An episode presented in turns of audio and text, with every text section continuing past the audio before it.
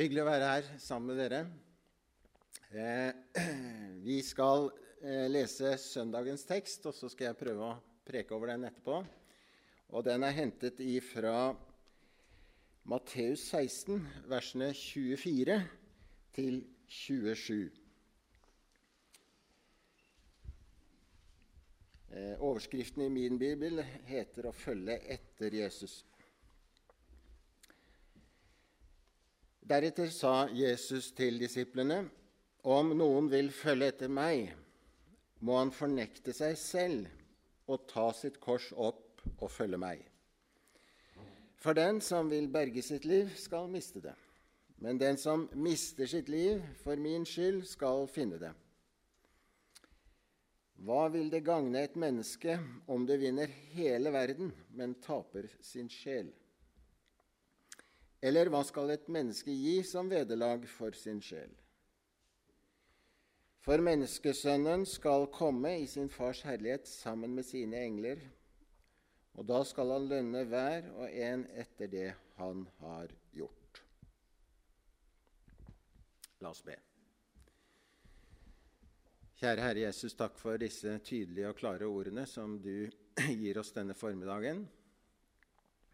Det er utfordrende ord, og det er eh, ikke alltid lett å lese dem. og eh, Kanskje enda vanskeligere å leve etter dem. Herre, jeg ber om at du ved din ånd må gi oss eh, kraft og mot til å høre hva du sier, og ta det på alvor i vårt eget liv. I Jesu navn. Amen.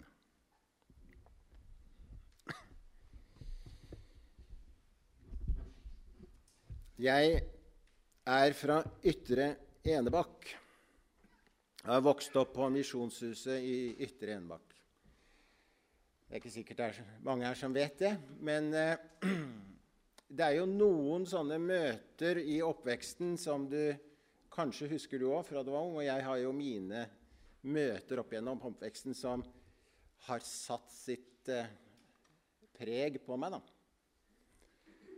Og nå sitter du kanskje og tenker på noen sånne milepæler i ditt liv opp igjennom. Og jeg husker når jeg var ganske liten, så satt jeg på et visst, visst plass da, i møtesalen og hørte på en predikant, en skikkelig svovelpredikant. Vi har ikke så mange av dem lenger nå, men eh, han var av dem som hadde armene der og, og ropte på prekestolen. da.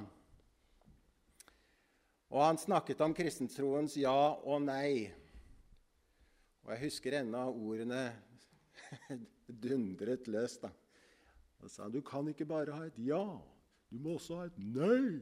Og mannen ropt, skrek det ut. vet du. Jeg, det gjorde jo inntrykk i et barn. Og jeg husker hvor jeg satt i salen. Jeg husker mannen, og jeg husker budskapet. Noe annet husker jeg ikke fra den talen. Du kan ikke bare ha et ja, du må også ha et nei. Ja. Og jeg tok det inn egentlig òg. Og det rare er at jeg har ikke noe veldig traumatisk forhold til det heller. Det, det, det gjorde inntrykk, ja, men det, jeg husker det, husker det, godt, og ikke som noe egentlig negativt, men som noe viktig. Eh, om noen vil følge etter meg, er det Jesus åpner sitt budskap med. Så må han fornekte seg selv og ta sitt kors opp og følge meg. Om noen vil. Det er på en måte et valg som må gjøres,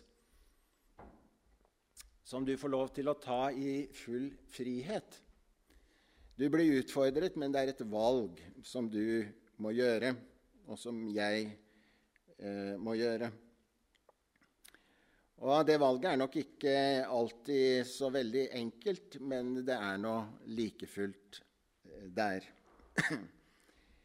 Å ta sitt kors opp og følge meg. Og det handler jo om eh, nettopp dette nei-et. Jeg er litt glad for at du hadde forsakelsen med i trosbekjennelsen eh, nå først. Det er ikke alltid vi har det. Eh, og det får meg til å tenke på den gangen jeg var prest for en del år siden hvor vi hadde med forsakelsen. Jeg forsaker djevelen og alle hans gjerninger og alt hans vesen.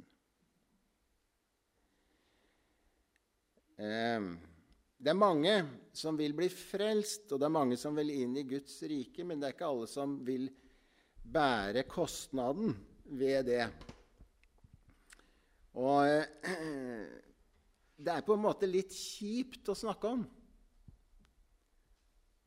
Og eh, jeg vet ikke om det er et ord de eldste bruker her, men eh, de yngre vet hva jeg snakker om. Det er, litt, det er no, et, visst ubehag ved det å snakke om at jeg må ofre noen ting. Gi avkall på noe. Nekte meg selv et eller annet. Det er jo ingen som liker det, og det er spesielt ikke behagelig å snakke om i dag, da, i vår kultur. Det er liksom ikke politisk korrekt. Det er upassende å ta det med. Og vi får lite gehør hvis vi prøver å forsvare vår kristne tro, og spesielt disse sidene ved vår tro, som handler om å gi avkall og ofre og nekte seg et og annet for Jesus skyld.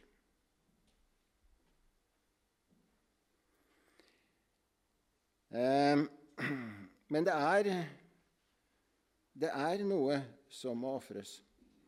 Det er noe som vi må gi avkall på. Og eh, Det vil være forskjellig for eh, hver og en av oss hva det er. Jeg kan ikke peke på deg her du sitter, og si veldig nøyaktig hva du spesielt må gi avkall på noe generelt sier Bibelen oss om hva det er, som gjelder oss alle. Men det kan også være noe som eh, bare gjelder deg, og som bare gjelder meg. Og eh, Da tenker jeg på en, fortelling, en annen fortelling i Det nye testamentet. En fortelling om Martha og Maria. Husker dere den fortellingen? Hvor det er eh, en eh, dame som heter Martha, og en dame som heter Maria, som får Jesus på besøk. Og så stresser Martha rundt og skal ordne i stand for besøket. Et gjevt besøk, dette er når Jesus kommer, selvfølgelig. Mens Maria setter seg ned og lytter til det Jesus har å si. Og så blir jo Martha sur, da på Maria, som bare sitter der og ikke gjør noen ting. Eh, og anklager henne. Bryr du deg ikke om, Herre, at hun lar meg gjøre alt arbeidet, mens hun sjøl sitter på rumpa og ikke gjør noen ting, bare hører på deg? Og så er det Jesus sier noe veldig viktig, at Maria har valgt en gode del, og den skal ikke tas fra henne. Og det bemerkelsesverdige syns jeg er at eh, Jesus lar på en måte Martha være i fred. Hun får lov å holde på. Sier ikke at hun skal stoppe, egentlig. Hun sier bare at du skal Du gjør deg strev og uro med mange ting. Men ett er nødvendig. Noe er viktigere enn det, og det er å lytte til mitt ord.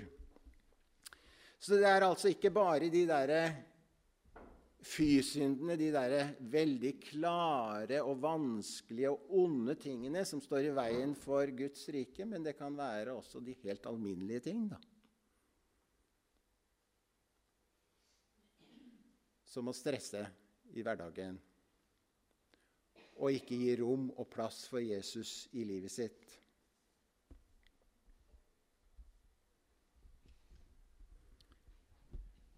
Kanskje det burde vært litt mer rotete, da.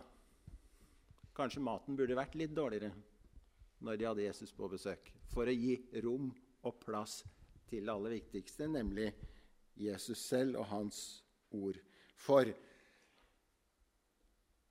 det gagner jo ikke Martha og Maria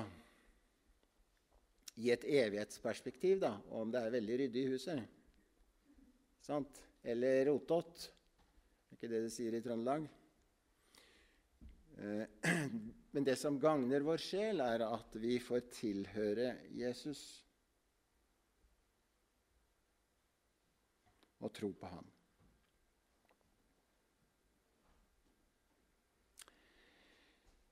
Nå tenker du kanskje ja, men det, dette er jo enkle valg. Disse tingene er jo de enkle tingene i hverdagen. Ja, det er ikke sikkert det. Bare snakk med mora og faren din. Det er ikke sikkert de dagligdagse strevet er så enkelt. Eh, men det kan jo være vanskeligere valg, da. Og da har jeg lyst til å gå tilbake til den andre verdenskrig. Det har kanskje dere hørt om på skolen. Eh, noen ganger har jeg tenkt litt på det Var alle tyskere som var med i krigen, den andre verdenskrig den gangen, gærne?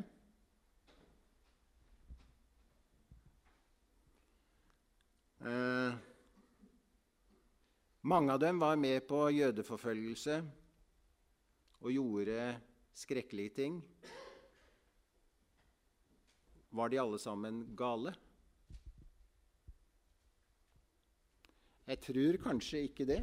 Jeg tror det var vanlige folk, som deg og meg. Men jeg tror også det at det ville koste noe da, å si nei og ikke være med på jødeforfølgelsen. Og ikke være med på Hitlers store prosjekt. Det kosta noe. Kanskje du fikk mindre mat på bordet, kanskje du ble satt i fengsel, kanskje du ble henretta. Hva vet jeg. Det kosta noe. Og når det koster noe, så blir vi kjent med hva som egentlig bor i oss. Sant? Når det blir vanskelig å si ja og vanskelig å si nei, så blir vi kjent med oss sjøl. Så skjønner vi hva som bor i oss. Nå i Norge i dag så opplever vi ikke krig. Og vi syns at uh, livet er enkelt, kanskje. Og da kan vi lure oss sjøl, og da kan vi lure oss sjøl til å tro at vi er frommere enn det vi egentlig er. vet du. det er noe med at når sitronen presses, så kommer safta. Det er ikke før den presses, men når den presses. Det er da safta kommer. Og det er da vi blir kjent med hvem vi er. Og da oppdager vi fort at vi ikke er så veldig framme som vi egentlig trodde at vi var. Jeg husker enda en gang eh, da jeg var liten, jeg gikk på barneskolen hvor lett det var å være feig når andre ble mobba, f.eks. Hvor lett det var å liksom trekke seg unna og ikke stå opp for de som var svake, men være en del av de som f.eks. mobba, eller, eller redde mitt eget skinn. da.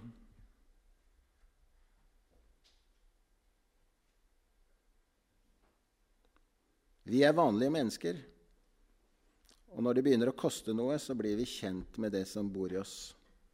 Vår egen feighet og vår egen evne til å på en måte, eller vilje til å bare slippe, slippe unna kostnaden.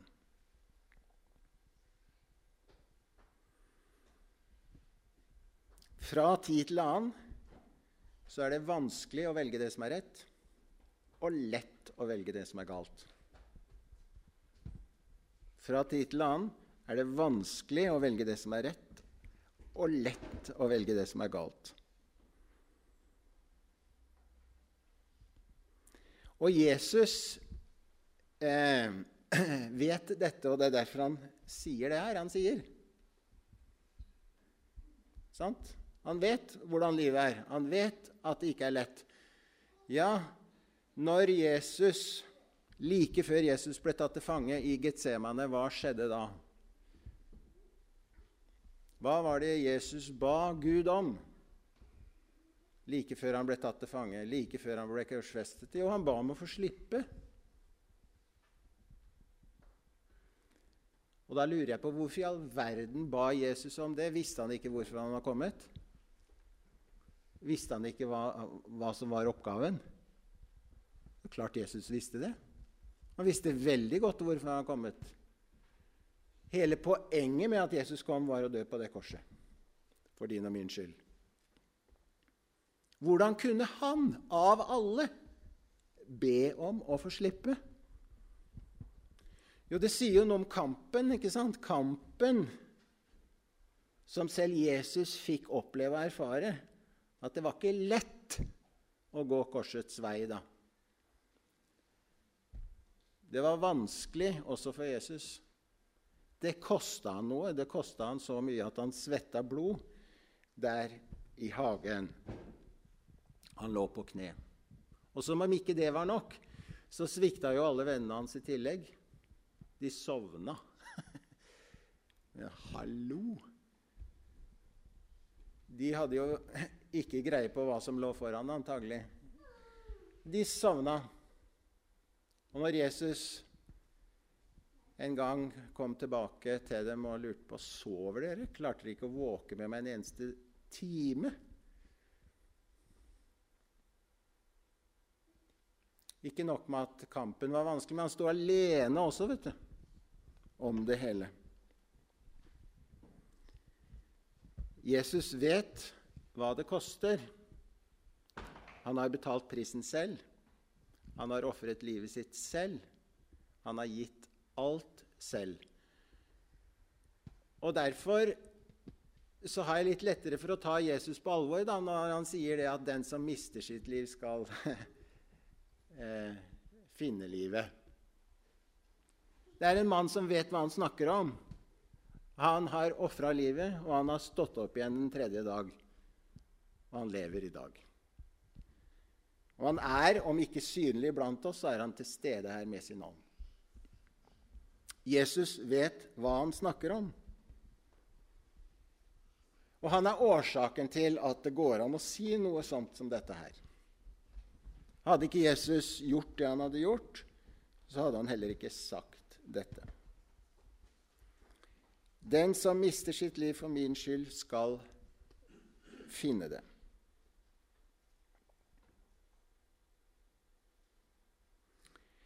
Noen ganger så kjenner du det også på din egen kropp i hverdagen din. At det er noe ved å gi slipp, ved å ofre og, og, ved å på en måte Hva skal jeg si Ikke krampaktig holde fast. At uh, du plutselig kjenner at du blir litt fri. Uh, jeg skal komme litt tilbake til det uh, etter hvert. Men det er jo sånn da, at vi har en, en mektig fiende, Satan, som går rundt som en brølende løve, står det. Vi skal ikke bruke veldig mye energi på han, men vi må vite at han er der, og må vi vite at, at vi må forsake han. Og Det er ikke bare voksne som må det, også, også barn.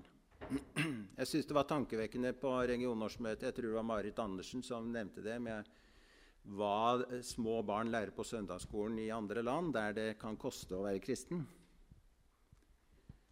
De bruker helt andre bibelvers enn det vi bruker på søndagsskolen i Norge. vet du. Jeg husker ikke hvilket bibelvers det var snakk om nå, men det var noe med at det kan koste å høre Jesus til. Og for barn lærer, lærer de dette allerede. Og det var jo ganske spesielt, syns jeg, at vi må lære barna det.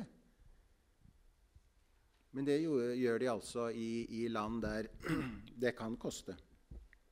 Der myndighetene ikke liker at man er kristen. Mm.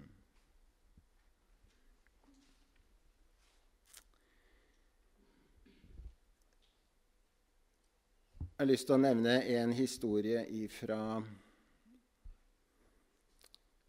Eh, det var en biskop som hadde vært på visitas, og så hadde han fått spørsmål fra en gutt, en liten gutt. Du, biskop, hva skal vi gjøre med han der nede? Du bør ikke være så stor før du skjønner at verden eh, på en måte ikke bare er god. da. Hva skal vi gjøre med han der nede? Jeg vet ikke hva biskopen svarte. Det husker jeg ikke. Men svaret må være det vi nå reiste oss opp og sa. Jeg forsaker djevelen og alle hans gjerninger og alt hans vesen. Det er ikke bare ord som du lirer av deg, vet du. Det er noe man har sagt i mange, mange hundre år før dere. Og man har sagt det fordi det er nødvendig. Det har stått seg fordi det er nødvendig.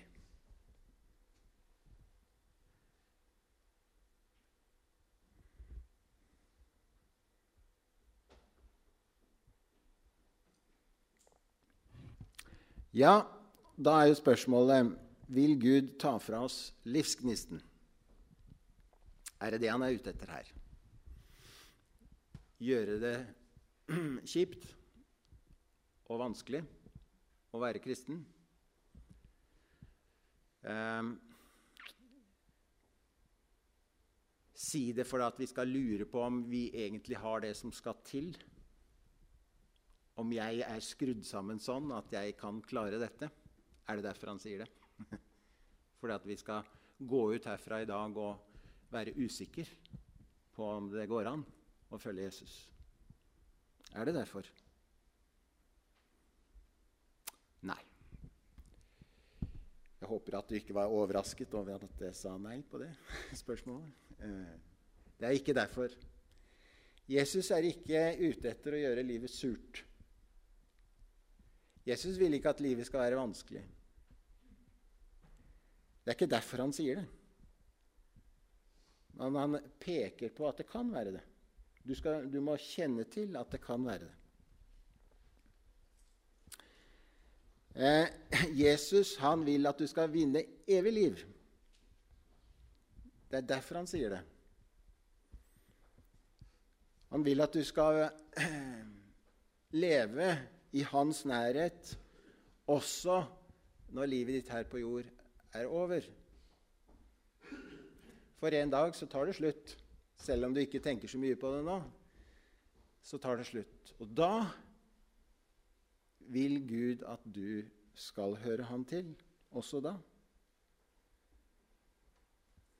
Han vil gi oss evig liv.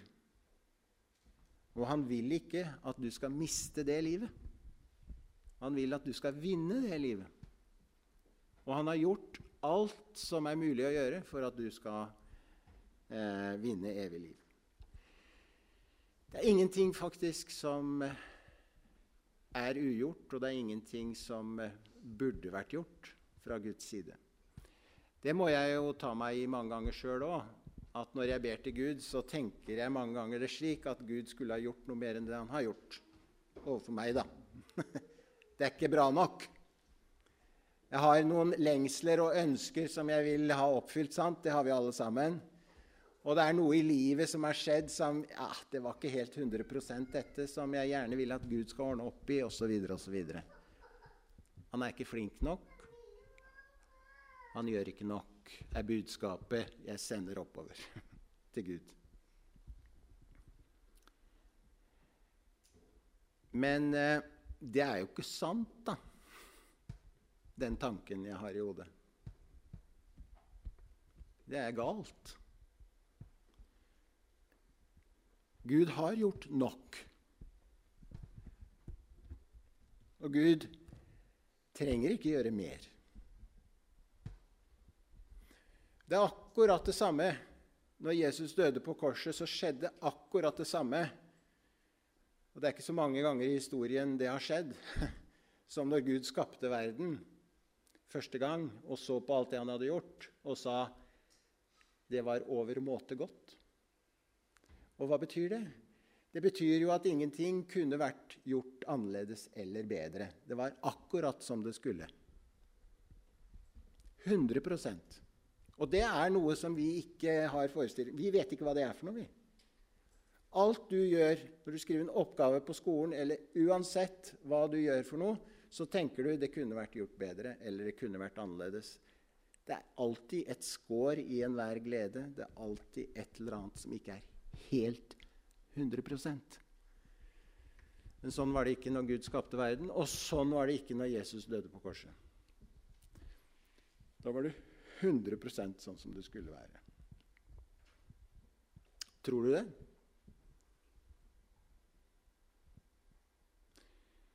Ja, det er viktig å tro det.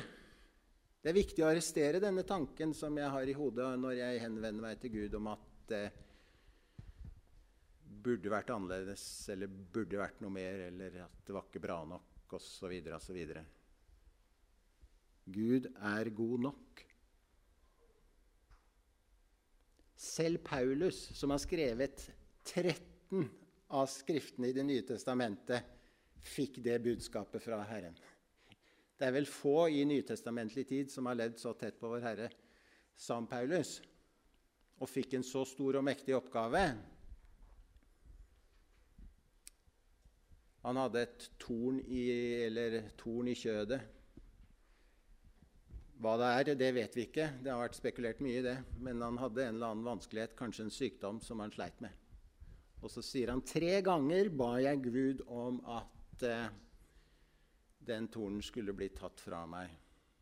Og hva er det han får beskjed om? Han får beskjed om at 'min nåde er nok for deg', for kraften fullendes i svakhet. Det betyr ikke at Gud ikke kan helbrede sykdom, for det kan han. Men budskapet er at Hans nåde er nok for deg og for meg. Og var det nok for Paulus, så er det i alle fall for meg og for deg.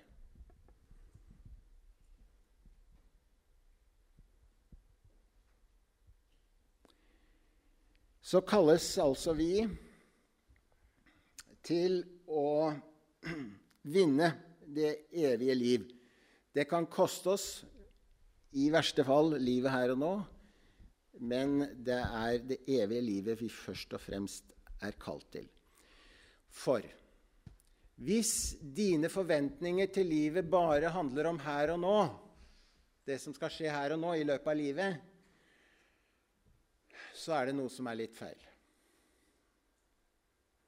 Paulus snakker om det i 1. Korinterbrev kapittel 15. Han sier at hvis ikke det er en oppstandelse fra de døde, så er vi de ynkeligste av alle mennesker i vår tro. Det er, det er på en måte intet.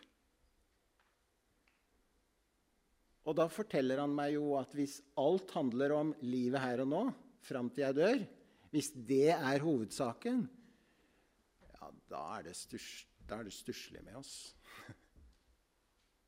Hovedsaken kommer etterpå. Eh, det betyr ikke at Gud ikke er opptatt av livet her og nå.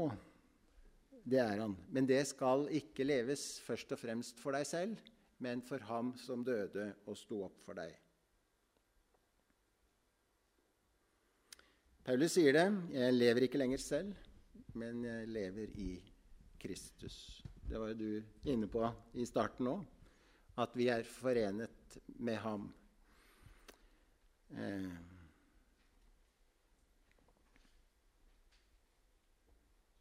Gud vil ikke at vi skal være splittet i sjel og sinn. Gud vil at skal, vårt hjerte skal være helt med ham. Han vet at vi er syndere, ja, men vårt hjerte skal være helt med ham. Og vi kan ikke tjene både Gud og mammon. Det, det er en umulighet. Gud vil aldri akseptere det.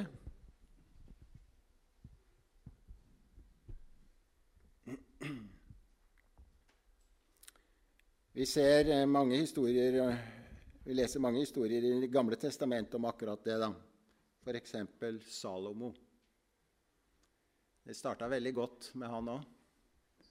Han ba en veldig from bønn til å begynne med om å få visdom istedenfor rikdom og penger og ære og sånt. Og Gud var veldig fornøyd med den bønnen og sa det at ja, du skal bli så klok som ingen andre på jorden. Og, men fordi du ba den bønnen, så skal jeg også gi deg rikdom og ære og osv. Og, Og, og han fikk alt sammen. Men så gikk tiden. Så fikk han mange koner og mye påvirkning ifra andre kanter. Andre religioner, annen gudsdyrkelse. Og så skjedde det noe underveis. Hans hjerte var ikke lenger helt med Gud. Han ble dratt vekk. Og da er det Gud reagerer.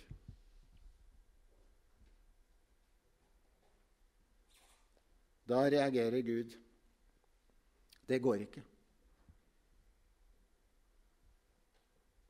Jeg deler ikke eh, plassen i ditt hjerte med noen. Gud er Gud, og han vil være herre. Og han kommer aldri til å innta en annen rolle i ditt liv enn som Gud og herre. Det, det vil han ikke.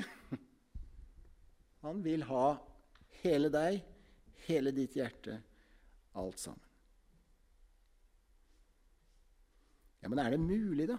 Ja, i Jesus Kristus, i fellesskapet med Han, så er det mulig. Dietrich Bonhoeffer, han har dere kanskje lest. Han har skrevet boken om etterfølgelse.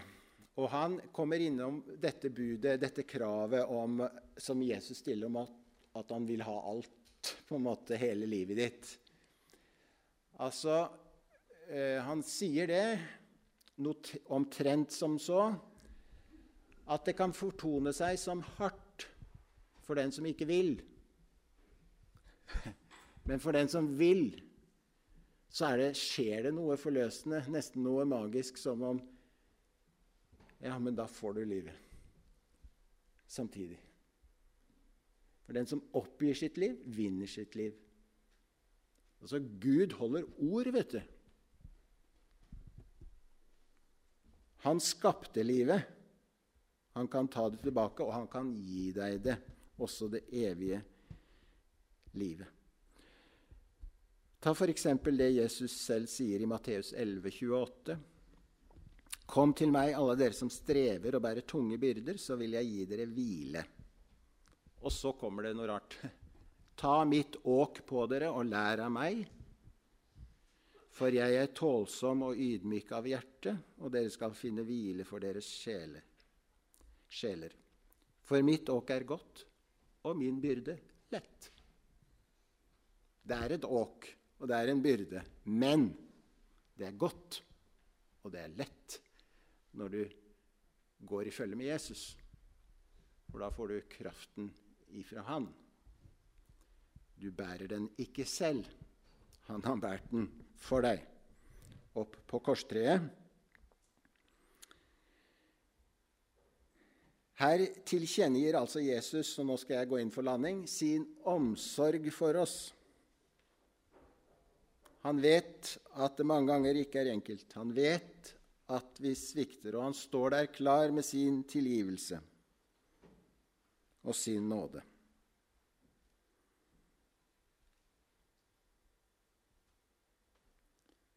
La ikke synden og dine svikt stå i veien for Jesus. Gå til han med det. Gå til han med alt. Du kan ikke lure han uansett, så det er bare å berette det ut akkurat sånn som det er. Så vil han gi deg tilgivelse og oppreisning og en ny mulighet til å følge han på veien. La oss be. Kjære Herre Jesus, takk for at ditt åk er godt og din byrde lett. Selv om det ikke høres sånn ut for oss, så er det slik når vi går sammen med deg og får del i Den hellige ånds kraft. Jeg ber Herre om at både gammel og ung skal uh, få erfare og kjenne at uh, det er sant. At du holder ord, og at du vil gi oss evig liv. Du vil at vi skal vinne livet, selv om det kan koste noe. Gi oss en villig ånd til å gå i følge med deg. I Jesu navn. Amen.